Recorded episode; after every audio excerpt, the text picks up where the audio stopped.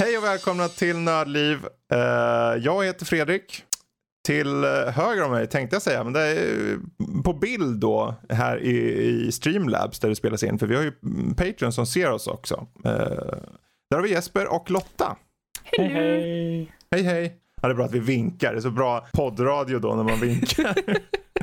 Precis. ja, oavsett, idag är det det eh, 307 avsnittet. Det är den 22 i femte när vi spelar in det här. Och eh, vi kommer snacka om lite allt möjligt idag. Eh, jag kan tänka mig att det kommer bli mycket fokus på Endwalker, alltså Final Fantasy 14 Endwalker expansionen. Mest för att, ja, Lotta och Jesper.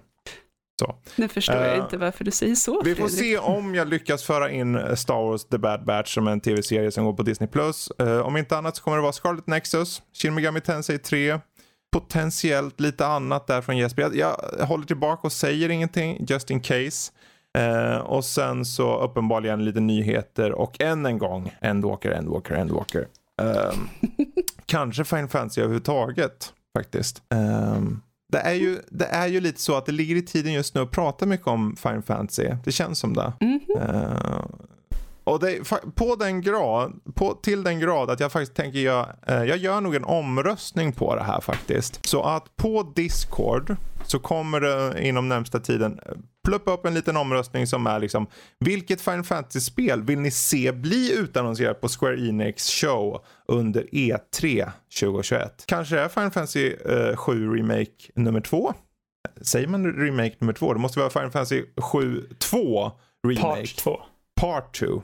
Tänker jag. Precis, Eh, precis. Final Fantasy Part 7 Remake Part 2. Precis, och sen eller Final Fantasy eh, 10-3 eller kanske ett MMO, Final Fantasy 17. Vad vi, vi får se. Det kommer komma upp alternativ. Ni kommer hitta dem på Discord. Hur hittar man Discord då Lottis? Man går in på vår eminenta hemsida nördliv.se och så eh, tittar man uppe i det högra hörnet efter de här små eh, söta ikonerna så finns det en ikon som ser ut som ungefär, ganska exakt, ganska precis faktiskt, som Discord-ikonen. Så klickar man där och sen blir man kastad till Discord. Det är ett sätt. Mm. Ni kan också scrolla lite längre ner där är en större stor ruta. Ni ser alla deltagare som är aktiva på Discord. Och där står det Connect. Till Och då med kommer ni rakt in på server. Men båda, precis som Lotta är inne på, jättebra sätt. Så följ Lottas råd, eh, hoppa in och eh, rösta i den här kommande omröstningen. Får vi se hur det går. Eh, med det sagt, jag tänker vi tar och hoppar rakt in på nyheterna för veckan. Och eh, först har vi en Resident Evil-läcka på Twitter. Och eh, då kan man tänka, ja, jag Resident Evil, det var så mycket snack. Den här gången är det Resident Evil 4 Remake som har eh, läckt. Eh, konceptlogo. Eh, egentligen är det bara liksom man ser en stad i, eh, i bakgrunden och så Resident Evil 4 liksom. Men att spelet då enligt läckan då ska vara både i tredje person och första person. Eh, Claire är nu i, är i spelet. Det är AIDAS eh, kampanj kommer vara i spelet också. Leon har enligt vad de skriver här, han kommer ha ett skägg också. Jag vet inte varför de skriver med det. Jag vet inte om någon bryr sig, men okej. Eh, och det är samma skådespelare då som man använder sig av som var i Resident Evil 2 Remake. Eh, det kommer vara enligt läckan då enbart på Next Gen Only. Jag vet inte varför de säger Next Gen, för det är Current Gen. Ursäkta, men det här är faktiskt så. Eh, och det kanske potentiellt blir exklusivt på PS5. -man och det, är egentligen, det finns ju mer information här. Det kommer vara större än originalet och förmodligen vara lite mer semi-öppet, eh, open world. Eh, och ha betydligt fler eh, connection med Resident Evil 8, Resident Evil 2 remaken och Resident Evil 3 remaken och en release date för 2023 var det läckan säger. För att nämna några. Uh, angående Resident Evil 4. Jag vet inte, era intryck? Resident Evil 4, vill ni ha det? Alltså, jag har inte kört den själv, men vad jag har förstått så verkar inte det vara det spelet som behöver mest en remake av alla. Äh, inte vara det, utan typ för att vad jag har hört från folk som har spelat det så är det ändå Mm. ett ganska bra, ett spel som håller, alltså, håller sig ganska bra idag. Mm. Eh, och längden på det. Uh, det ska ju vara typ 16 timmar eller någonting. Det ska vara mycket mm. längre än till exempel Village som tog mig runt 8 timmar att klara ut. Ja, precis. Så uh, jag skulle nog inte säga att de behöver göra ett längre remake på det. Utan... Nej. Fast Nej. grejen är att det skulle mm. väl också kunna vara ett ganska bra svar på en del av kritiken de har fått på Village. Jo. Att de går tillbaka och tar en klassiker som ändå har fått väldigt mycket ros. Eh, bland annat för att det är, det är ett bra spel, det är välgjort. Mm. Eh, och gå tillbaka till de rötterna och säga, ja men det här är Resident Evil också. Ni mm. nya spelare vi har fått för att ni tycker om eh, väldigt långa eh, sexiga kvinnor. Ni kanske vill kolla in det här andra med. Ja, varför inte? Ja, mm. de säger ju också um, lots of connections till Resident Evil Village, Resident Evil 2 Remake och Resident Evil 3 Remake. Vilket kan vara ganska intressant ändå. Mm. Eh, det låter nästan som att de går lite av ett hållet att vara en slags uh, Final Fantasy 7 Remake, uh, remake mer än en kanske typ uh, mm. Resident Evil 2 Remake. Re alltså mm. att de har mer nya grejer liksom som en öppen värld. och liksom det här med att ny gameplay, att man kan vara i första person, tredje person, ny mm. kampanj. Alltså att de ändå typ rebootar Resident Evil 4 mer än att de gör en remake på det. Ja, Vilket sant. kan vara lite intressant. Um, och mm. att det är 2023, det är ju ganska långt bort. Om man tänker en remake på ett spel. Mm. Så ja, det kan Det är märkligt egentligen. För jag, jag tänkte så också, 2023, det är ju hur länge som helst. Och så är det, man tänker efter, vänta det är bara två år. Ja, det, det är sjukt. Nej, nej, det är minst sju. Minst sju. Oavsett så tycker jag det låter intressant att de, för någonstans, om de ändå ska göra en remake, gör, bygg om på riktigt. Och det är där de mm. verkar göra. Och det, man såg ju tvåan och trean och gjorde remake. Så det var mycket riktigt eh, bra remakes på det sättet att de faktiskt vågar ta och förändra saker. Och där, där, känner jag, om du ändå ska göra en remake, för om det inte är en remake då är det en remaster och då är det mm. samma spel fast bara uppiffad grafik. Uh, och jag, för, jag föredrar remakes för då vågar de testa. Och här om de binder samman världen på ett bättre sätt. Ja, varför inte? Varför inte? Vi får se. 2023 uh, eh, potentiell release date för det. Det, det fanns mer info angående uh, potentiell Resident Evil 9. Uh, som skulle kanske kallas Exit. Uh, finns tydligen en post-credit cutscene för Netflix-serien.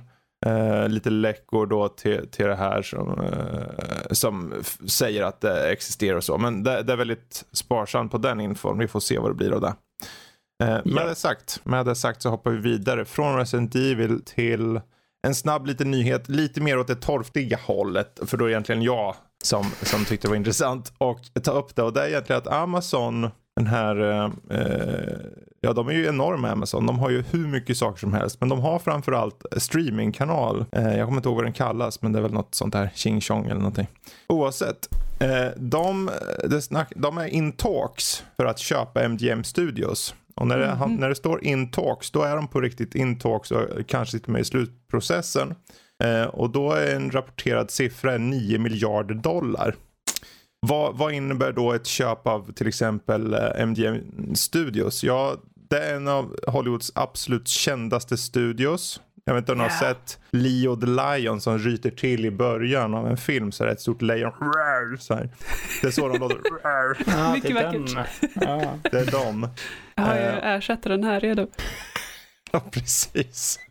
Wow. Välkommen till hur som helst, de har ju allt från uh, James Bond-franchisen till mängder med IPs och allt sånt här. Mm. För att inte tala om redan eh, befintliga tv-serier som går på deras eh, kanaler och så. Eh, så en sån här potentiell affär kan egentligen bara sluta en sak, att det blir betydligt färre riktiga filmstudios. Eh, att de helt enkelt slutar existera och deras huvudsakliga levebröd har ju varit bio. Men om de köps upp av Amazon som inte fokuserar på det utan fokuserar på streaming. Då försvinner ytterligare en kanal, eller kanal, en, en studio och därmed eh, blir det mer och mer monopol för Disney. Mm. Exempelvis. Precis. Um, så Nej, det, och alltså, ja. ärligt talat, det, det, det, var lite av en chock ärligt talat när du berättade om det Fredrik. För att jag menar, MGM är ju inte småpotatis. Nej. Och det i och för sig reflekteras ju i prislappen, men eh, det här känns stort. Mm. Ja, och det är mycket som händer just nu. För i måndags så utannonserades det att uh, Warner Bros uh, går samman med Discovery. Vilket innebär att alla de här största, Harry Potter, Batman, allting kommer tillbaka till, till Discovery som har allting om nature och science shows och allting. Uh, och det mer och mer konsolide konsolideras. Så att det mm. blir liksom en enda stor entitet. Så att det kommer sluta med enorma megacorporations mer eller mindre som har hand om all form av liksom, eh, film då. Och, yeah. och, mycket fokus på streaming. Så det, eh, första, eh, första juni öppnar Filmstaden igen. Och eh, det är frågan, när får vi se film igen på bio? Och kommer vi se MGM-film? Ja, det mm. återstår att se. Oavsett, eh, James Bond kommer det synas på bio i framtiden eller bara på Amazons tjänster? Återstår att se. Så där har vi det. Om ni undrar, ni som lyssnar, varför det smattrar på har sig så är det förmodligen bara att det spöregnar. Bör tilläggas. Så det var tydligt, för jag märkte, vänta, är det från min sida eller från eh, Lottas? Men det är båda och förmodligen. Du hör säkert från mig och jag hör mm. säkert från dig. Om ni undrar varför det kanske hördes ett äh, litet äh, ljud från mig så är det för att äh, någon som har en flyg, flygplan som åker över mig. Jaha. Ah. Så, Om ni eh, hörde något från mig så är det någon som går ut uh, utanför med motorsåg och sågar upp folk. Um, Oj. Nej. det är Danny. Det är Danny. Ja. Det är Danny. Hur det är ju ändå lördag. Det, lördagsmys med norsken innebär slakt då. ja. Nej, stackare. Ja. Hur som haver, vi hoppar över till lite Ami Amiibo-nyheter istället. För en ny Amiibo kommer i samband med Legend of Zelda eh, Skyward Sword HD. Eh, du kanske kan berätta lite mer om det här Jesper? Ja, eh, i veckan annonserade de eh, en, en, ny Amiibo till som ska tydligen vara den enda Amiibon som fungerar för just The Legend of Zelda Skyward Sword HD som släpps den 16 juli. Och det mm. är en Amiibo med Zelda och en Loftwing, alltså en stor fågel som hon har och det har varit väldigt mycket kontroverser kring den här Amiibon på grund av två stora huvudsakliga anledningar. Den ena är priset på Amiibon. Amiibon kostar runt 400 spänn, vilket är dubbelt så mycket som en vanlig Amiibo brukar kosta. Eh, antagligen för att kvaliteten är lite högre på just den här. Den är mm. väldigt detaljerad och snygg. Eh, men den andra kontroversen är eh, dess funktionalitet i spelet. För eh, enligt den här Amiibon så kan du nämligen eh, fast travela i spelet till himlen där du flyger runt på de här uh, fåglarna. Jaha. Eh, då är eh, frågan, eh, är detta rätt? Eh, att göra, låta sådana här saker bakom en eh, Amiibo. Och själv tycker jag att det här är en ganska, ganska usel idé från deras sida. Delvis så kostar ju spelet redan fullpris. De verkar inte ändra sig jättemycket alls från originalet Wii. Mm. Så man kan hitta för mindre pengar än för Amiibon. Det kostar typ 200 spänn att hitta originalet nu. Aha. Så ifall man vill ha fulla upplevelsen eller fulla, fulla allting. Eh, de släpper även joycons. Så blir det ju typ eh, 600 spänn plus 400 spänn, det var 1000 spänn plus 900 spänn som är joycons. Eh, så det blir 1900 spänn för fulla paketet. Och det är, Tjena. och det är för en remaster. Mm. Ja, just det. Om den inte den här Amiibon något sätt har någon slags eh, koppling till eh, någonting i The Legend of Zelda Breath of the Wilds uppföljare. Ja. Vilket Eh, vilket enligt eh, många eh, spekulationer det kan ha eftersom att de släppte en liknande, liknande Amiibo med Wolflink till eh, Twilight Princess HD och eh, den gav eh, och låste upp så att man kan spela, ha Wolflink med sig i eh, Legend of Zelda Skyward, eller i Breath of the Wild 2.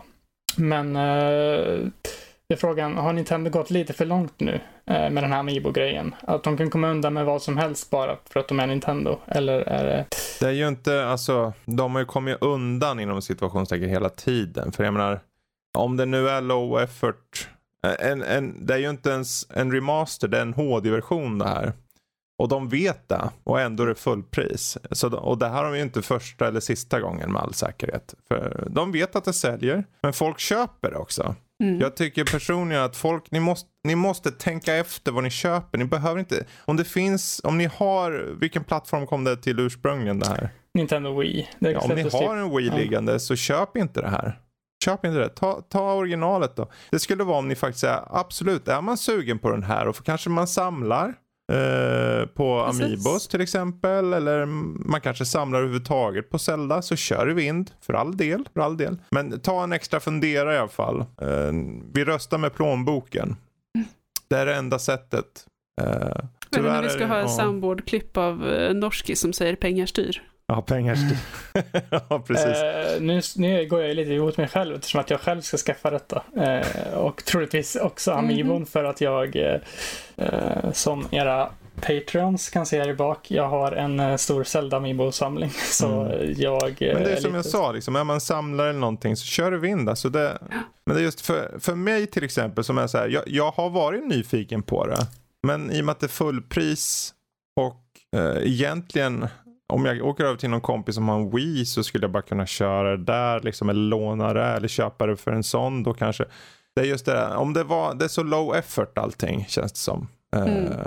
Så Det att jag, blir lite, är- jag blir lite besviken på mest Nintendo. Att de, jag vet inte om de bryr sig riktigt. De, Det är det de jag känner, in ja. mest. Just den här Zelda Anniversary-grejen överlag än så Mm. länge känner jag lite så här besvikelse på vad de har visat hittills. För jag hade ju tänkt att de skulle ha lite mer big guns, eller vad man ska säga, när det kommer till att promota det. Eh, nu i veckan har de ju haft lite mer än vanligt med det här Både det Skyward Sword HD Amiibon eh, som de visade plus även ehm, eh, lite mera detaljer kring vad som kan väntas av eh, Hyrule Warriors Age of Calamity DLCn Mm. som ska släppas nu i juni och i november. Och eh, om de inte, om det inte är allt det här bygger upp till att de vill visa allt sånt här lite mera mindre saker eh, fram till, Nintendo, eh, till E3 så de kan visa allt stort på ett och samma plats. Mm. Eh, för om de inte gör det nu vid det här laget så vet jag inte riktigt vad jag ska tycka om deras i år alltså. För att det känns som att de har tagit, ifall de, det enda som kan liksom eh, rättfärdiga dem just, alltså helt, och- eller lite mer just nu för mig är ifall de visar, alltså de har ett riktigt kanon i 3 Mm. med verkligen big, big title efter big title liksom. Precis, precis. Mm. En variation framförallt känner jag. Ja. Mm. De lutar sig så lätt på sina klassiker och det är lätt för dem att bara släppa ett nytt Mario. Det kommer sälja för som smör liksom. Och med rätta, Ja, ja. för det är ju alltid bra liksom. Ja. Eh, Men det är också lite så här, men var det inte de som sa också att de skulle fokusera på nya IPs? Göra nya IPs? De sa att de skulle sagt fokusera på att göra ny IP samtidigt som de eh, innoverade gamla IPn Mm. eh, med nya sätt. Och det har vi ju sett ändå ganska mycket nu. Mm. Eh, som tur är med Nintendo Switch jämfört med Wii U. Eh, för på Nintendo Switch har de ju till exempel Super Mario Odyssey, Legend of Zelda Breath of the Wild. Två titlar som verkligen har gjort nya saker för båda, gen- eller för Mm. båda genrerna. Eh, så jag, jag har fortfarande hopp om att det kommer vara. Men ändå en liten oro för att om de inte visar och har en bra E3 så Mm. just lite för deras framtid just nu. Ja, Men, eh, det är ju var vänta bara och se. anseende tycker jag. För de kommer alltid sälja förmodligen. Men det är just anseendet där jag är mest så här. Mm. Ja, men, vill ni svärta ner ert anseende? Det, det, jag tycker ni borde, vara, ni borde ta hand om ert brand bättre. För det, det, det känns mer och mer som att de bara säljer skit för att de vet att det säljer och skiter i folk. Liksom. Eh, Mm. Med det sagt, jag tycker personligen att den där eh, eh, Zelda Loftwing Amiibon där, jag tycker den ser ganska cool ut faktiskt. Så vi får se om vi kan få se den längre fram när du faktiskt har den i hyllan. Vad vet jag? Mhm. Jag måste ju, jag säger egentligen, ärligt talat, jag tror nästan det är den snyggaste Amiibon de har släppt. Mm. Eh, och det... Ja, för det här alltså, priset ska den fan vara snygg också. Så. Ka- kvaliteten på den Amiibon vad jag har sett, så den är ju helt... Man kan ju se liksom i den eh, vingarna och i Mm. pälsen verkligen typ detaljerna och grejer. För om man kollar på de gamla Smash-amiibosarna, eh, om man kollar på det, de är ju inte alls i samma kvalitet som de här Nej. nya amiibos. Så de har verkligen Nej, kommit precis. en bra bit på att, så de rättfärdigar det i att höja priset på dem. Mm. Men med tanke på att de, de kunde ha gjort något, någonting lite mer för den här Amiibon. eh, eh, Alltså inte att, för att låsa just den här grejen bakom Amiibon känns verkligen inte rätt. Tycker jag. Ja. Oh well, vi kommer komma tillbaka Vi, till detta eh, med all anledning eh, längre fram. Eh, om inte annat kommer vi kanske komma i kontakt med det runt E3 där. Och apropå just E3 och just eh, event av olika slag. Summer Game Fest visade precis upp eller häromdagen vilka som deltar just på de eventen. Eh, och där har vi faktiskt en hel drös. Många sammanfaller ju med sommaren då, med andra ord just. Ja, till och med så börjar det ju torsdagen den 10 juni. Eh, och fortsätter då framåt. Eh, vilket eh, lämpar sig bra för några av de här är Ubisoft, det är Xbox, EA. Så några av dem har, är förmodligen själva E3-presentationerna. Men vi har med Sony här. Vi har mm. med Epic. det kan vara att några av de här, jag har inte koll på hur många som faktiskt är på E3. Men eh, 2K, Activision, Bandai Namco, Blizzard, eh, Raw Fury eh, och ja, mängder med fler då kommer vara med på samma gamefest. Och förhoppningsvis så är ju Sony någon av de tidiga här. För jag tänker om 10 juni. Jag vill ju att de ska smyga in Sony under E3-veckan. Vore ju kul. Mm. Ja, det hade jag verkligen ingen tanke på att de skulle göra alls eh, nu fram till de visar det här. Så jag hoppas ju verkligen att det stämmer. Att de mm. För en sak de måste visa känner jag, eh, det är ju Horizon Forbidden West. För åter och återigen så släpper de nya artiklar och intervjuer med utvecklarna kring det spelet som säger ja, det här kommer komma i höst. Ni, ni behöver inte oroa er. Det, det, det, ska släppas nu i höst och det, det, det mm. håller på att bli bra. Men vi har bara sett en liten trailer som inte ens visar gameplay. Så vi Nej. måste se mer av det känner jag. Precis. Och, och ja, inte, nej, men de, om vi säger så här, de står ju vid, vid ett vägskäl där det handlar om mm. att sälja både konsoler, trot eller ej. De säljer ju som smör, bara att alla vill ha dem. Eh, och sen så har vi ju då en höst där spelen kommer oftast som mest. Och då är det en ny generation, current mm. gen, current gen. Mm -hmm. eh, och Eh, det, jag tror det kommer vara spännande. Det kommer vara spännande. Vi kommer ju återkomma till det här, men är det så att ni är nyfikna på exakt vilka som är med så skulle jag rekommendera att ni går in till summergamefest.com och kollar in mer. Eh, med det sagt så eh, tror jag vi går till lilla Endwalker nu. Eh, det har ju utannonserats datum för Endwalker för att förtydliga är ju då alltså expansionen för eh, Final Fantasy 14 släpps i november om jag inte mm. missminner mig. Om du preordrar så eh, får du börja spela den 19 november. Och eh, om du inte preordrar så får du börja spela den 23. Okej, okay, så du börjar alltså den 19 och spelar det här? Ja.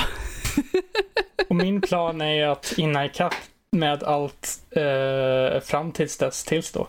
Okay. Eh, och eh, som min fart just nu är så kan jag nog hinna det faktiskt, tror jag. Ja, ja, ja. jag har eh, verkligen malit på. Jag har typ kört så här main story quest nästan enbart bara typ så här grindat dem i typ, flera, typ två veckor nu. Jag har typ klarat mm. en och en halv expansion. Så. Jösses. Ja. ja, just det. Ja, nej, det kommer du inte ha några problem med. Vilket Men... datum? Den 19 november. 19 eller, november? Precis, eller 23 november om du inte ja, just förbeställer. Just det, just det, just det. Um... Eh, och det, det, är fruktansvärt spännande med Endwalker. Eh, bland annat för att det kommer vara den sista expansionen i det här arket. Och det var ju en del, jag kommer inte ihåg om vi har berättat om det här tidigare, men det var en del snack eh, tidigare om att man hade liksom tittat på namnet och tittat på lite andra ledtrådar och så och tänkt att ja fast kommer det här vara, kommer det här vara den sista expansionen på Final Fantasy 14? Punkt. Kommer, kommer spelet ta slut här? Men eh, så är det inte. De har tröstat oss och lugnat oss och sagt att eh, nej, men det är det sista på det här arket. Eh, och hur de avslutar det blir enormt spännande för att, och det här eh, anser inte jag är någon spoiler, men i de flesta MMORPGs så blir du mäktigare och mäktigare. Chocker. Eh, problemet är att förr eller senare så kommer du till en punkt där det blir, det, det, storyn börjar gå sönder. Och eh, det här, jag tror det är en av anledningarna till varför de väljer att avsluta det här arket, för att karaktärerna börjar bara bli för mäktiga. Men hur väljer de att göra det? Mm -hmm. eh, vi vet att Endwalker bland annat kommer ta oss till månen. Eh, vi har sett eh, fantastiska bilder nu senaste fanfesten eh, på eh, Old Charlian, eh, Mar Elementorum och så vidare. Eh, Mar Elementorum som ligger på månen. Old Charlian. Galamond också, eller Gar. Ja, precis, ja. Galamond. Eh, precis. Och eh, Thavenir kommer jag också få komma in i. Och det är ju eh, från eh, Dancer-questarna. Om man väljer att spela det, det jobbet. Så är det välbekant. Så att det kommer bli väldigt spännande, väldigt många nya områden. Eh, men inte bara med att det blir nya områden, vi kommer stöta på nya arter, nya raser. Eh, de har visat oss den fantastiskt söta lilla eh, lopporitten. Okay. För att man, man kan ju spela Viera sen tidigare, sen den förra expansionen, vilket är en eh, väldigt lång humaniserad eh, har-ras. Okay. Människor, människor har det. Precis, okay. människor har det. Eh, och tidigare så har man, och det här är också en nyhet, för tidigare så har man bara kunnat spela eh, kvinna av den här rasen. Eh, av in-game lore-anledningar. Men nu av in-game lore-anledningar så kommer man även kunna spela manlig Vera. Det kan också vara så att det var ett par spelare som ville det här och ett par stycken som har försökt göra sina röster hörda om det här. Så det skulle mm. kunna vara en viss eftergift eh, från eh, storyteamet. Men eh, det är också någonting som väldigt många ser fram emot. Kommer du vara en eh, bunny boy? Jag har funderat på det. Jag har funderat på det. Eh, jag har ju spelat eh, Mikote eh, sen start, förutom en kort. Mikote är eh, kattrasen. Humanoida katter. Oh yes. Eh, förutom en kort period när eh, de här Dragonkin-raserna, Aura, kom, så mm. var jag en sån liten stund. Men eh, sen blev det tillbaka till katt. Men vi får se, vi får se. Det kan vara så att jag behöver vara en manlig hare en stund. Mm. Är du alltså en catgirl? Ja, jag är en catgirl, clearly. Hashtag Lotta is a catgirl. Sen okay. fick vi även se två nya klasser man kan vara. Reaper oh, yes. och Sage. Uh, oh, Sage yes. fick man ju se i januari eller vad det nu var. Mm -hmm. I någon slags uh, så här tank förra healer. Ja. ja, precis. Grejen, grejen med Sage, precis. Um, de har, de healers som redan finns har de valt att fokusera på uh, varsin specialisering. Du har Astrologian som är fokuserad på att buffa ditt party. Du har Scholar som är fokuserad på sköldar, du har White Mage som har fokus på direkt healing. Uh, och med Sage, så vi, vi vet inte mycket tyvärr, men du kommer behöva använda skada för att kunna boosta din healing. Och jag och alla vi som spelade White Mage när White Mage var bra och vi hade Cleric Stance som funkade. Den fantastiska Cleric Stance-dansen som dödade alldeles för många partyn och var underbar. Eh, vi har sett fram emot en riktig damage healer. Så att, åh, jag hoppas på Sage. Men den som blir utannonserad nu, den nya klassen, det är en DPS-klass, visste vi sedan tidigare. Och jag hade rätt med många. Vi, Yoshi P, eh, Naoki Yoshida, producenten, eh, ger alltid lite hints. Och eh, den här gången var det tydligen lite för lätta hints för att vi hade redan listat ut att det var en Reaper-klass. Som jag eh, tänker köra, för den verkar ascool. Mm -hmm. Den är mhm. straight out of Bloodborne ska jag säga. Eh, oh, hur yes. de, eh, han klädde ut sig till Reaper. Eh, till den, yeah. eh, alltså stod på scenen hela Joggans första dag av Fanfest i den, den eh, fantastisk Reaper cosplay. Helt underbar. Det var Bloodborne cosplay mer eller mindre. Alltså det är ju mm. den dräkten som han huvudpersonen i Bloodborne har i liksom promotion och sånt. Det är liksom stor yeah, inspiration därifrån. Jag tror det kan bli ett ganska kul grej. Mm. Yeah. Nu på senaste har jag ju kört Dragoon en hel del. Mm. Uh, när jag, har, jag tycker att det är ganska kul. Så DPS har nog blivit mer min grej nu.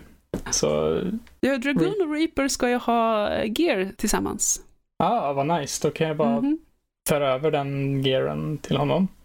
Precis, Så. precis. Så att eh, det ser vi fram emot. Men man behöver ju levela upp också. Är det till level 70 tror jag man behöver vara på. För att kunna spela de här nya klasserna. Um, men, uh, men det räcker ju med att ha en, mm. uh, ett jobb i, i den leveln. Uh, sen naturligtvis så annonserar de också, i och med att de gav oss datumet, release date, så gav de också lite information om vad man kan köpa för Collector's Edition och grejer. Okej, ja, låt som oss höra. kanske är lite häftigt. Kanske var Eh, så att både jag och Lotta köpte den. eh, och vi var typ bland de enda personerna som fick det. Ja, för att Square Enix Store eh, pallade inte riktigt trycket så att eh, den gick ner. Mm. Och eh, dessutom så var det väldigt många som inte fick någon confirmation e-mail. Det drogs inga pengar från kortet, man fick ingen konfirmation på beställningen. Och där satt man liksom och, och hade refreshat sidan som en tok innan klockan slog 12. Dagen... Eh, de 13 här- var det ju. Var det 13? Det 12 är Jag hade varit- Jag hade varit uppe ett tag vid det laget. Ja, Kan ja. vara så att vi satt eh, hela från det började klockan tre på natten till dagen. Eh, lite, lite förvirrad i bollen där. Gift. Men, eh, men de som ju slut på en gång verkligen. Så att då satt man och var jätteorolig och jättenervös. Mm. Eh, men de har gått ut nu med ett mejl som säger att äh, men det är lugnt, ni som köpte det, ni har fått det, det, det är kirrat, ta det lugnt. Vi vill inte ha fler tickets på det Men här. fick du tag på den eller? Jajamän. Ah. Jag med. Så precis konfirmationen. Ja, okej. Okej. Jag, eh, vi har snackat lite med varandra Mm. med, om det. Och eh, det var jag som eh, fick henne att kolla med folk på mail och sånt över det. För Mm. att eh, det var liksom så här, man fick en congratulations så här, när allting gått igenom. Det är så här, soon there will be an order confirmation mail. Sen Mm. bara så där vänta. Var är den här mailen? Jag skulle komma en mail. Sen, bara, sen kontaktade jag dem och sa, ah, du, eh, det står typ så här att den har med banken och det inte riktigt gått igenom. Det står så här typ instarted eller någonting. Och sen fixade de det och sen så fick jag mailet. Så Mm. ja, jag tror att det, ja, men det var verkligen en tryck på att den där Collector's Edition skulle eh, säljas slut väldigt snabbt. Alltså. Mm. Ja, Det, var, ja, det är väl alltid så med sådana här precis. Och det som är, saker. ja, ja, ja. Och de har ju också delat upp den så att du kunde köpa det Collector's Edition bara de här eh, online eh, rewardsen man får som faktiskt har någonting i spelet. Eh, eller om man vill köpa också med fysiska prylar eller bara själva spelet liksom. Mm. Men det som är i den här boxen då, det, alltså jag tycker den är jättehäftig men det ser inte jättemycket ut som man läser innehållet. Eh, du har en, en eh, Endwalker Special Art Box. Du har en figurin, Paladin-figurin. Eh, du har Art Collection and Frame Set. Det är coola, coola bilder. Du har en liten pin. Du har en liten mini-plushie. Och så är det då en mount, en minion och ett skin eh, som du då får in-game. Men eh, den är cool. Den är cool. Och den här paladinfigurinen, den är så snygg. Ja, jag har ju försökt göra rum för den där nu i min eh, nya vitrinskåp som jag har så att eh, det ska bli nice. Mhm. Eh, så- Ja, ja, då har ni ju november klart i alla fall, kan man ju säga. Mhm. Det vet vi inte än. Uh, E3 är fortfarande kvar. Jag tror att kommer komma mer då. Så, Ja, jag tänker, I alla fall för vad gäller Endwalker. ja, jo. Ehm, Oh yes. Oh yes. Jag vet vad jag gör. Vi får köra tillsammans också då. För man kan ju, Mhm. Det skulle komma någon sån här Wordled eh, eller Data Center Travel-grejer och sånt ju. Precis, precis så att de fortsätter. De har ju tagit ett antal steg i den här riktningen tidigare med att försöka underlätta för spelare på olika servrar att spela tillsammans. Och det kommer de också fortsätta med och, och expandera det till Endwalker. Så ehm, mm, det, blir, Mm. det blir jättehäftigt. Okej, jag, jag har en stark känsla av att det kommer komma lite uppföljning på det här framåt, säg november. Ehm, Maybe, om du kan slita oss. eh, ett Endwalker-avsnitt eh, finns på horisonten. Det är väl lika, man, skulle, ja, man skulle nästan kunna göra en spoilercast om ni... Fast det är frågan hur ni tar er an just Endwalker. Man kanske tar sin tid och kollar överallt eller bara manglar Mhm. story. Det kan vara olika. Oavsett, vi kommer tillbaka dit vad det lider. Eh, bra, då får det avsluta egentligen nyhetssegmentet faktiskt. Så hoppar vi in lite på vad vi kanske själva har sett, spelat eller rökt på. Tänkte säga, vi inte rökt på någonting. Här röker man inte på någonting. Eh, utan eh, du, min gode Jesper, du har ju kört både det ena och andra och jag var nyfiken på Scarlet Nexus. Ja. Vad är det? Det är ett eh, action-RPG av Bandai Namco. Mm. Eh, som, eller och det är utvecklat av teamet som har gjort jag tror det är uh, Tales of uh, Combat. Och jag vet inte riktigt vilken utav spelen det är. Okay, okay. Det har säkert lyssnare bättre koll på. Men det är ju ett väldigt typiskt JRPG actionspel. Mm. Anime-stil. Det ska till och med komma en anime samtidigt som spelet släpps ungefär. Eller Jaha. någon vecka efter. Okay. som är på serien. Och det utspelar sig i en postapokalyptisk typ Tokyo eh, i eh, långt framtiden. Eh, och du spelar som eh, antingen en tjej eller en kille. En kille som heter Yuito eh, och en tjej som heter Kasane. och de har lite olika story beroende på vilken du väljer att köra som. och du blir intagen i en slags spe speciell militärstyrka som heter OSF. och den här um, OSFs uppdrag är att döda och, eller förinta ett slags hot mot mänskligheten som kommer ner. Ett slags aliens som kallas för the others. De är typ övervuxna, mon övervuxna monster i princip. Eh, och eh, ja, eh, till en början så är de träningssoldater. De ska egentligen inte eh, strida mot de här än. Men eh, eftersom att de kommer och anfaller vid ett ganska olägligt tillfälle så får de redan då börja strida och delta. Och mm. de inser mm. väl att de här två är väldigt mycket starkare än de sätt. Eh, men när det kommer till combat så har eh, de här två en slags specialförmåga, nämligen telekinesis. Eh, de kan manipulera objekt i omgivningen och kasta dem på fiender och liknande. Vilket öppnar upp ganska mycket för kombopotential i actionstriderna. Mm. Och det var någonting jag märkte ganska snabbt att det här har mycket potential för att vara ett uh, solitt RPG, ja, ett uh, actionspel. Ja, för du körde ju förhandstitt på det. Det var ju bara en preview du körde, va? Just det. Ja. Uh, just just det. Men, Till story får jag inte säga så mycket mer än så. Uh, ja, nej. Och, nej. Men när, sen, släpptes, när släpps det? Det släpps, jag tror det är den 25 juni. Okej, okay, okay. Så det är ett bra tag kvar. Uh, sist jag kan säga, det har även en slags skill tree-grej, så du kan ju anpassa ganska mycket efter mm. ditt eget, uh, vad det verkar som. Jag har ju inte kunnat spela så jättemycket, kanske två, tre timmar uh, mm. av den jag fick tillgång till, men uh, vad jag har sett och spelat så känns det som ett ganska lovande sommarspel. Mm. Uh, som uh, man ska hålla utkik på efter. Speciellt om man gillar uh, Switch-exklusiva Astral Chain som är gjort av Platinum Games. Okay. För det är väldigt många likheter där. Ja, jag, säga. jag tyckte det kändes. För den här grafiken var väldigt, så här, väldigt färggrann men lite nästan cell-shadat stilaktig typ. Så väldigt tydlig anime i alla fall känns det som. Väldigt så här, man märker att de har tagit med anime-stilen till en ny nivå. för förut har de ju typ Tales of-spelen, de ser ganska halvdana ut om du frågar mig. Mm. Eh, både med det här och det här Tales of Arise ser man att de har tagit den här anime-stilen och lagt in det i lite mer detaljerade mm. miljöer och grejer. Och det är någonting som jag tycker är väldigt nice. Mm. Att de mm. har tagit lite mera risker eller tagit lite mera utvecklingstid bakom budget när det kommer till uh, att bygga upp en värld och mm. sånt. Ja, om vi säger så här, vi kommer ju förhoppningsvis kunna komma tillbaka till det här vid full release då, eh, så kanske någon gång efter ju, slut på juni där. Eh, men eh, det är lite lovande i alla fall än så länge. Så vad som däremot vi vet att du kan kört igenom om det skulle vara så är ju Shin Megami Tensei 3. Uh, det var en, var det en HD-remaster eller vad var det för någonting? Det är en HD-remaster av PS2-spelet uh, Shin Megami Tensei 3 Nocturne. Okej. Okay. Och det är ett väldigt klassiskt JRPG-turbaserat spel. det som inte är så klassiskt kanske är settingen och liknande.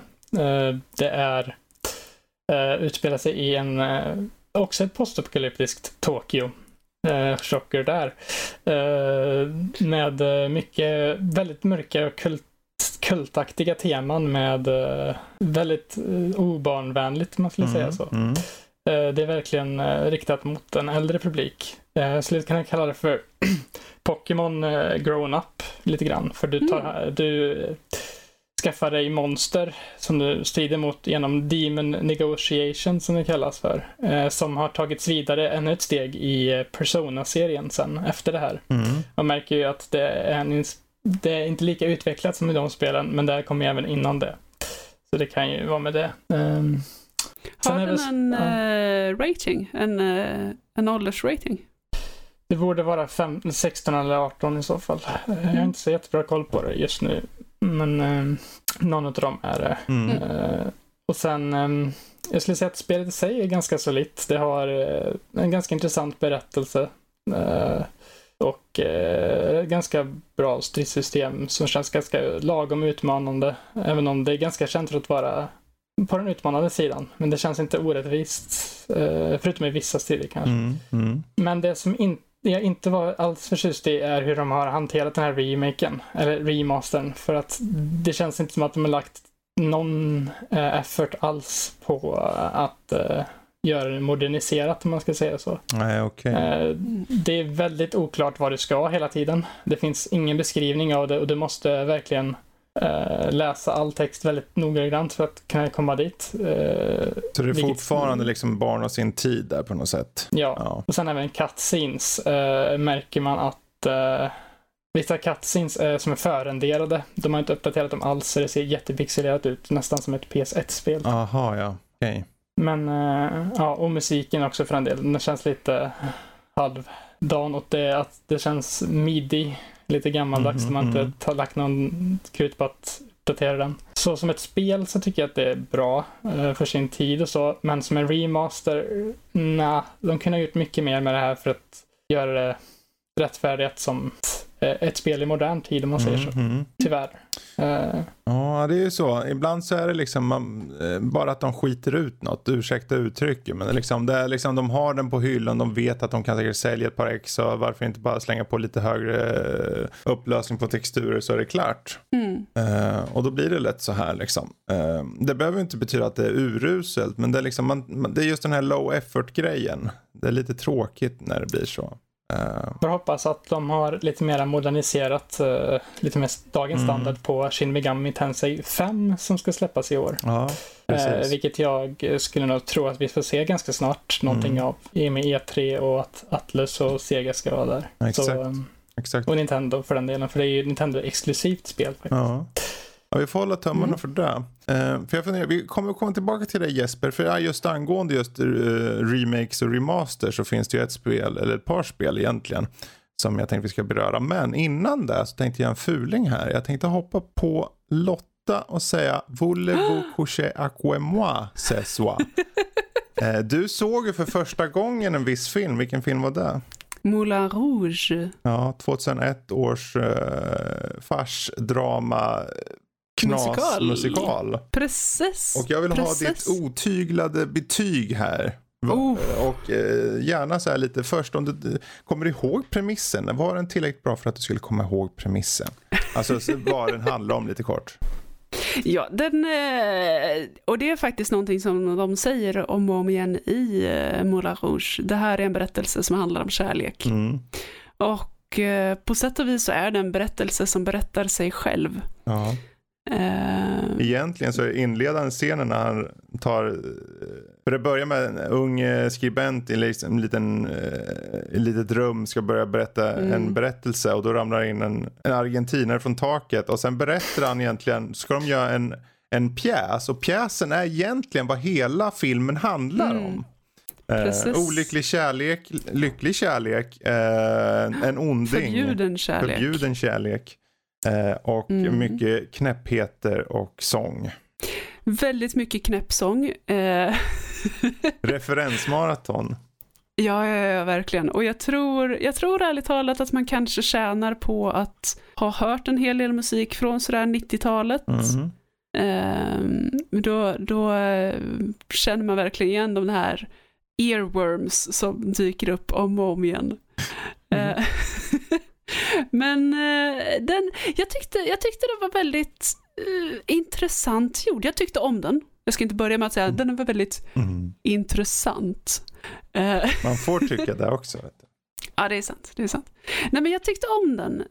Och framför allt för att den är gjord den är gjord för att berätta berättelsen både i vad som händer i musiken och i hur hur det framställs, mm. cinematografin liksom. Precis. Att i de här sekvenserna när man ska framställa, för det, det hela utspelar sig eh, slutet av 1800-talet, Paris.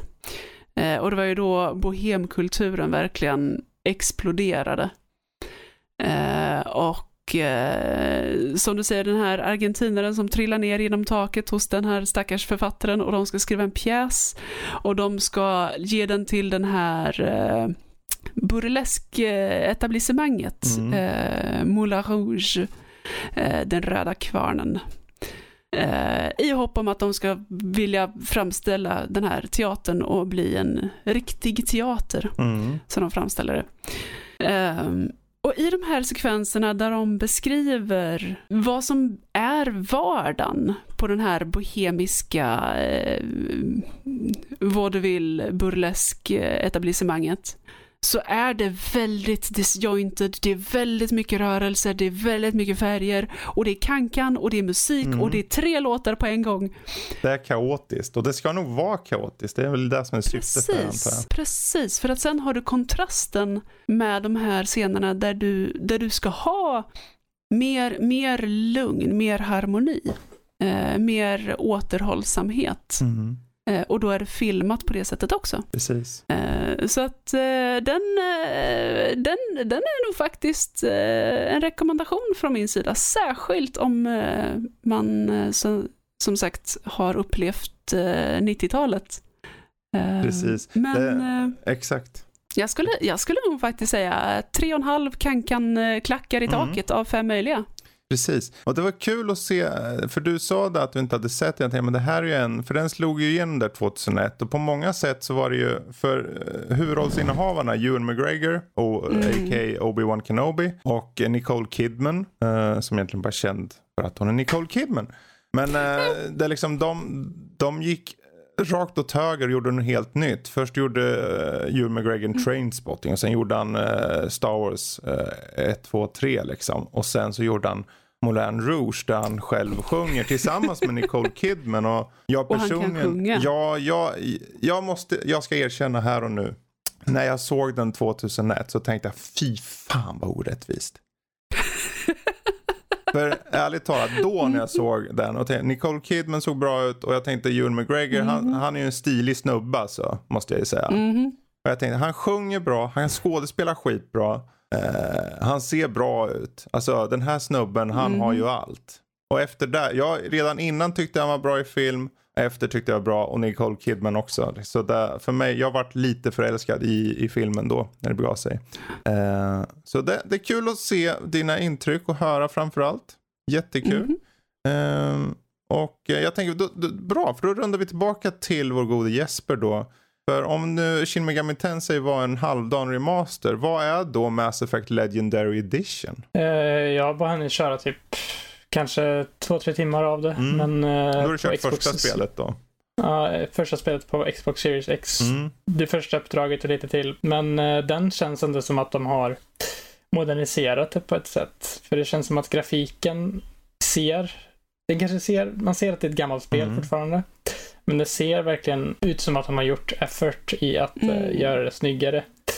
Och eh, för det spelet i sig skulle jag säga håller sig ändå ganska bra idag. Mm. Det var ganska för, före sin tid när det kommer till eh, dialogval och hur du kan påverka storyn i dina val du gör. Mm. Eh, Så jag känner ändå att det är en värdig, av det jag har kört, det lilla jag har kört så känns det som en värdig remaster av Mm. den originaltrilogin som man nu kan köra på ett, ett och samma spel. Precis. Där man kan föra över sparfiler mellan de olika spelen. Eh, för att det är inbyggt så att du kan liksom om du har gjort val i ett spel så kan du föra över till nästa spel och sen till nästa spel. Det är aldrig Så det, fel. så det blir ett spel i princip, Mm. skulle jag säga. Och det, det låter som att de går eh, ganska bra den här balansgången när det kommer till remasters. Att du vill fortfarande vara väldigt sann originalspelet. Men du ska samtidigt motivera att göra en remaster. Mm. Den här är intressant för jag har ju läst på och sett framförallt Digital Foundries genomgång av det här. Det är ju det är en sak med just HB-text- eh, HD-texturering eller 4K-texturering som finns här. Eh, Men modellerna, alla modeller i hela spelet är gjort om. Alla, alla områden omgjorda. Eh, Det är fortfarande Unreal Engine 3 men de har piffat upp motorn utav helskotta. I första spelet har de fört in de efterkommande spelens stridsmekaniker bland annat. Som inte fanns Mm. ursprungligen. Och de har, alltså det är ju utöver en, det är ju inte en ren remaster riktigt. Utan de har förändrat gameplay. Eh, jag är personligen ganska nyfiken på just framförallt första spelet i serien. I och med att den har genomgått mest förändring då. Eh, där de senare då är betydligt mer fokuserade på just det grafiska och det. Eh, men det är intressant, jag tänker för det här, nu, nu har vi lite första intryck, uppenbarligen inte kört så långt. Och det, det roliga blir väl egentligen sen i slutändan, för du hade aldrig kört originaltrilogin, eller hur? Mm, nej. Så att eh, eh, det blir lite kul bara för att få en slags, vad ska man säga, eh, när vi följer upp på det här om x antal tid, när du kanske har kört igenom alla tre, bara dina spontant rena intryck av det, står det sig Mm. fortfarande? Det är där jag är mest nyfiken på liksom. Så. Eh, och står det, för, står det sig för någon som inte har kört Mass Effect, står serien fortfarande? Det där, det tycker jag är ganska intressant faktiskt. Ehm, men dina intryck än så länge för de timmarna i första spelet, hur, hur var de om du skulle sammanfatta det? Ja, det har intressant, en intressant premiss. Jag tycker att eh, eh, han, vad, heter han den här, någonting på S eller något, den här fi, Ja, Shepard. i- eh, Silen, eller Silas menar Ja, jag. Silen. Eh, Silas? Ja, men- Verkar lite mysterisk och Mm. speciell. Eh, jag valde ju faktiskt kvinnlig Shepard. Mm. Jag vill ju utforska det. Jag Absolut. tycker att hon fungerar ganska bra. Ja, då. Eh. Den, den, hon är minst, hon är ju jättepoppis också. Så. Absolut. Sen, jag har inte stött på jättemånga mer karaktärer. Jag har stött på Garrus. Ah, verkar okej. ganska kul. Mm. Eh, som jag har i mitt party nu. Har du träffat på grej. Tali? Eh, jag tror jag precis har gjort det. Ja. Det var typ det sista jag gjorde. Okej, Mm. intressant. För det finns, ja det är ju det, det, det är ju ingen idé att ens, jag tänker inte säga någonting utan du får upptäcka allting. Det finns eh, uh, storylines som går över alla spel här Uh, som, som kan vara intressant att följa upp på sen. Uh, jag, än en gång, jag är mest intressant för min egen del just för de har uppdaterat texturer, shaders, modeller, effekter och alla tekniska features och där, där ska jag titta på när jag fått möjlighet. För att inte tala om allting här på liksom låst 60 på ny, nuvarande generationen. Gamla generationen är nog låst på 30 skulle jag gissa. Eh, men så kan det vara. Ja, ja, men det var lite första intryck helt enkelt där. Eh, och från en rymdepos till ett annat så tänkte jag hoppa över till lite eh, Star Wars. För alla älskar ju Star Wars. Of course. Okej. Eh, jag har nämligen börjat titta på en tv-serie som heter Star Wars The Bad Batch. Eller som den heter i Sverige, U- U- Star Wars Uslingarna. Oj, oj, oj, oj. Uslingarna. Ja, det är dåligt. Det funkar inte. Jag kan inte säga det. Men eh, The Bad Batch. Vad handlar Star Wars Ja, Uslingarna uslingarna. Eh, efter original, eh, första trilogin, alltså är det prequel-trilogin, det vill säga ettan, tvåan, trean. 1, 2, 3. så, så gick ju det här så kallade klonkriget eh, Mhm. framåt. Och eh, vi följde ju där då mm, ja, klontrupper. Och egentligen är det här en fortsättning på The Clone Wars, en tv-serie. Där du följer Oh. då eh, x antal Elite Clone Troopers med genetiska mutationer. Och eh, Mm. de, eh, skillnaden då att när, och det börjar, det tar sin, första avsnittet börjar med Order 66.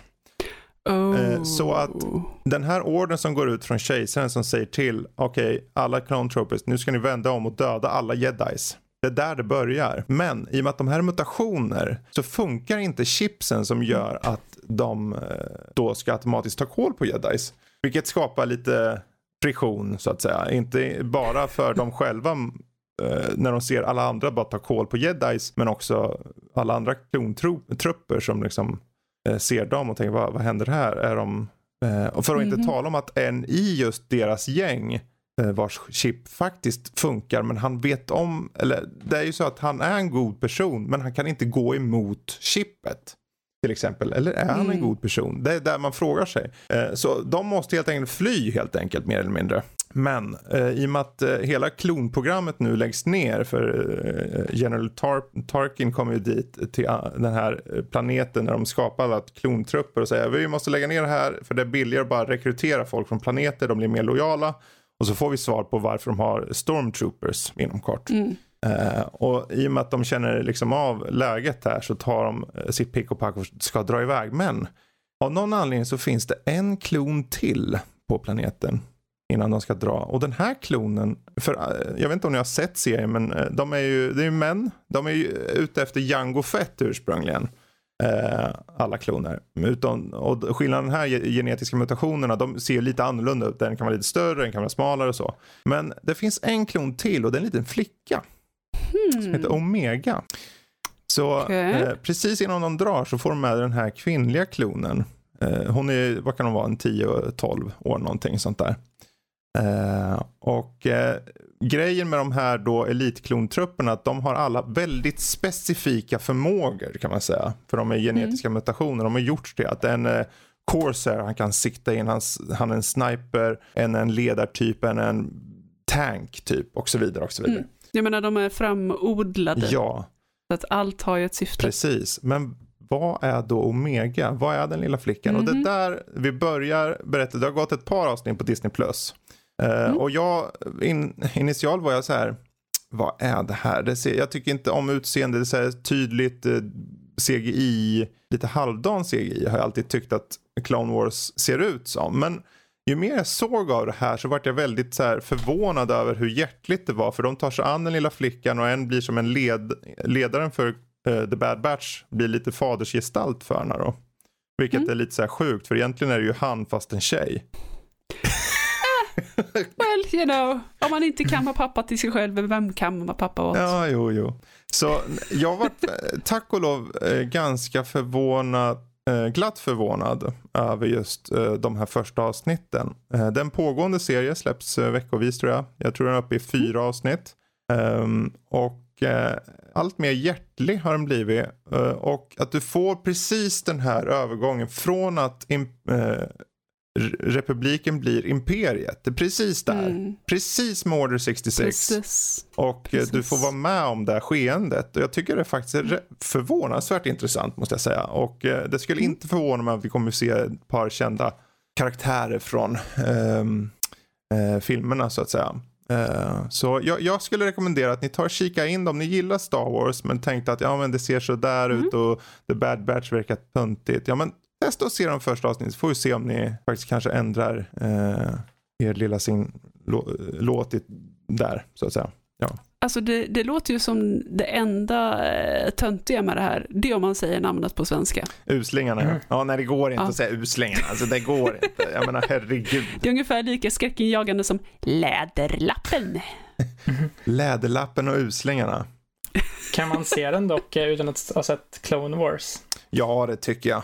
Jag, jag såg ju Clone Wars för länge sedan. Jag kommer inte ihåg ett skvatt. Och den är ganska... Mm, Clone Wars problem att det, det var ju så mycket fokus på Obi-Wan och, och mm, eh, Anakin tyck, egentligen. Eh, och även om du hade de här sidokaraktärerna, till viss del no, några av de här faktiskt, eh, så blev det aldrig någon riktig fokus på dem på det sättet tyckte jag. Eh, utan det, det är egentligen en spin-off skulle man kunna säga. Mm. Så man kanske ska ha ett hum om Star Wars-världen generellt. Jag säger, om, så Mm. länge du har tum om vad Order 66 är, det vill säga den, eh, Mm. när kejsaren skickar ut meddelandet om att alla jedis måste döda. Det är det enda du egentligen behöver veta faktiskt. För sen är det lite av att de tar sin egen resa och, och den är egentligen utanför allting annat. I alla fall hittills. Mm. Det har bara gått fyra avsnitt och det ska vara totalt 16. Så vi får se vad Mm. vägen tar vägen. Helt enkelt. Spännande, spännande. Spinnande, spinnande. Men där har vi det. Ja, gott. Ja, bra, bra, bra. Eh, då så. Jag undrar om inte vi ska eh, kanske ta runda av här. Men eh, vill, eh, har du någonting mer Jesper du skulle vilja, om du tar en sak till, vad det, finns det någonting du känner här skulle vilja ta upp innan vi rundar Kanske av? vore det, det här The Wild at Heart som jag testade Ja. lite igår. Eh, kan nämna lite kort om det. Absolut.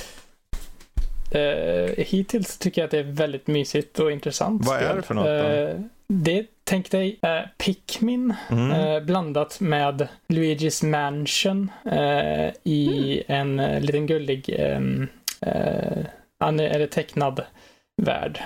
Du spelar som en liten pojke som heter Wake som letar efter sin syster, eller som vars syster tror jag det är, som heter Kirby, har, inte kommer hem. Han går ut i skogen och letar. Eh, och så hamnar han i en eh, The Deep Woods, tror jag det heter, eller något liknande. Där han träffar på eh, massa varelser som är typ som Pikmin som man får eh, använda för att bära objekt och sånt och ta sig vidare över Okej. broar och lite som det är lite pusselspelsaktigt. Mm, Eh, och du möter på ma- massa skumma karaktärer som en gammal skum man och någon eh, typ skum robotkaraktär och jag tycker att det har en ganska intressant story-premiss och sen så varenda gång du sover så får du en flashback eller inte flashback utan du drömmer om något skumt med eh, när du går fram eh, i det här minnet så ser du din pappa som sitter framför en tv och kollar. Eh, som jag inte Mm. riktigt fått någon återkoppling till vad det betyder än. Men det Mhm. kan ha en ganska intressant del där. Så jag kommer definitivt köra vidare på det tror jag och um, se vad det här tar vidare Mm. och tar vägen. Och eh, det rekommenderas om du gillar de spelen. Eh, Det här med Luigi's Mansion också kan jag nämna lite kort. Du har en eh, lövblåsare du kan Of course. eh, låsa Mm. upp grejer och så. Så att det är lite intressant där. De har tagit mycket inspiration från de här Nintendo-klassikerna och tagit en liten egen spin på det. Och om du sitter på Xbox Game Pass, jag tror det bara är på Xbox just den här gäller, eh, så eh, kan du testa den här gratis. Så varför inte tanka hem och testa som Mm. eh, man kan göra. Nice. Helt enkelt. Nice. Mm. Ja, för jag, jag tog. Inget att förlora. Nej, verkligen inte. Jag tog ner Nej. igår och tänkte jag skulle spela, sen vart det inte av. Vad jag har hört är att det är ganska kort också, tror jag. Så att eh, det vore ju, jag tänkte det var skönt att bara koppla av med någonting lite mer annorlunda sådär. Eh, och det ser ju väldigt, alltså eh, det ser ganska unikt ut till utseendet och lite mysigt men lite så speciellt samtidigt. Liksom. Så, mm, spännande, spännande. Kommer till PC, Xbox och eh, jag vet inte om det kommer till något mer. Det är ju Steam som jag vet och Xbox. Men eh, tror det var bara Xbox och PC vad jag har sett. Ja. ja, där har vi det. Vad kul. Ja, då så. Men då tar vi och rundar av nu. Och är det så att ni känner att ja, men jag måste ju ta och rösta i den där omröstningen som handlar om vilket Final Fantasy-spel ni vill se utannonserat på Square Enix show på E3. Ja, men då hoppar ni in på Discord. Ni går in på sajten, scrollar ner en bit, trycker på den stora connect-knappen och hoppar rakt in på Discord för Nördliv. Och sen så bubblar ni och röstar. Eh, kolla i Mm. omröstningsmappen bara. Eller vad man kan, kanalen eller vad det nu kallas. Och om inte annat så kan ni snacka med oss där kanske. Eller alla andra som sitter där och nördar med allt möjligt. Film, tv, spel, you name it. Teckningar. finns allt möjligt. Mm. Ehm, um, och är det så ni vill ha mer av oss, uh, ni finns ju såklart på sajten i allmänhet då, nördliv.se alternativt eh, uh, nordlivpodcast.se och är det så ni vill ha mer av oss på de sociala medier så är det bara att nordliv.se på Facebook, Twitter och Instagram så har ni oss där. Bra, men då så, då ska jag ta och runda av det här med de här två uslingarna istället för de där uslingarna som jag pratade om i Star Wars. så, så hörs vi och ses igen om en eh, vecka. Tack så jättemycket allihopa för att ni lyssnade. Ha det gott! Ha det så bra. Hej hej! Hej då. Hej.